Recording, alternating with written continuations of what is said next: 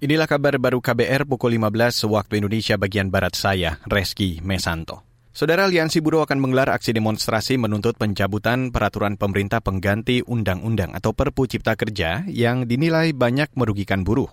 Menurut Wakil Ketua Konfederasi Persatuan Buruh Indonesia atau KPBI Jumisi, isi Perpu Cipta Kerja mengabaikan aspirasi buruh dan tidak partisipatif. Jumisi mencontohkan Perpu Cipta Kerja membuka ruang perusahaan sewenang-wenang kepada buruh, terutama buruh perempuan misalnya terkait dengan upah minimum gitu ya. Upah minimum itu ada tambahan sih di Perpu soal proses perhitungannya ada kebutuhan dengan menentukan indeks e, tertentu gitu. Itu kalau dalam bahasa hukum itu kan kabur ya. Dan itu membuat kami bertanya-tanya, sebetulnya maunya Jokowi ini apa gitu. Jadi nggak jelas. Juga soal outsourcing yang yang awalnya ada pembatasan, itu juga nggak ada batasan lagi. Terus soal pesangon yang menjadi lebih kecil. Kemudian kemudian soal sistem kontrak yang tidak ada batasan kontrak.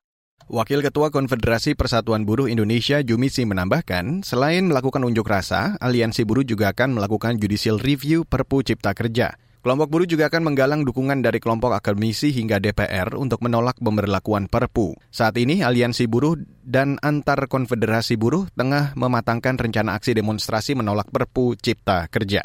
Sementara itu, saudara kalangan DPR menyatakan baru akan mempelajari isi peraturan pemerintah pengganti undang-undang atau Perpu Cipta Kerja saat masa persidangan atau pada 10 Januari mendatang. Wakil Ketua DPR Sufmi Dasko Ahmad beralasan Perpu Cipta Kerja diterbitkan Presiden Joko Widodo saat DPR dalam masa reses akhir Desember lalu. Dasko mengatakan DPR juga akan mempelajari perihal urgensi diterbitkannya Perpu Ciptaker oleh Jokowi meski ada mekanisme sendiri ketika Presiden mengeluarkan Perpu.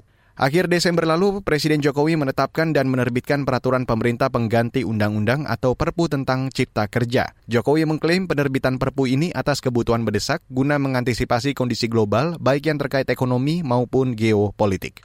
Saudara Mahkamah Agung tengah merancang pembangunan pelayanan terpadu satu pintu atau PTSP Mandiri. Ketua MA Syarifuddin menjelaskan, PTSP Mandiri memberikan layanan terbaik kepada masyarakat yang mendamba keadilan yaitu gedung khusus yang dapat memberikan pelayanan secara terintegrasi sehingga memudahkan masyarakat mencari keadilan dan para tamu yang datang ke Mahkamah Agung tanpa harus masuk ke gedung Mahkamah Agung. Sebelum PTSP Mandiri ini terbentuk, sementara dilakukan pengamanan oleh anggota militer dari pengadilan militer Ketua MA Syarifuddin menambahkan, sebelum PTSP Mandiri terbentuk, tugas pengamanan gedung MA sementara dikoordinasikan bersama anggota militer dari pengadilan militer. Koordinasi ini, kata Syarifuddin, demi peningkatan penjagaan dan memberikan ketenangan bekerja bagi Hakim Agung dan Hakim ad hoc serta aparatur di Mahkamah Agung.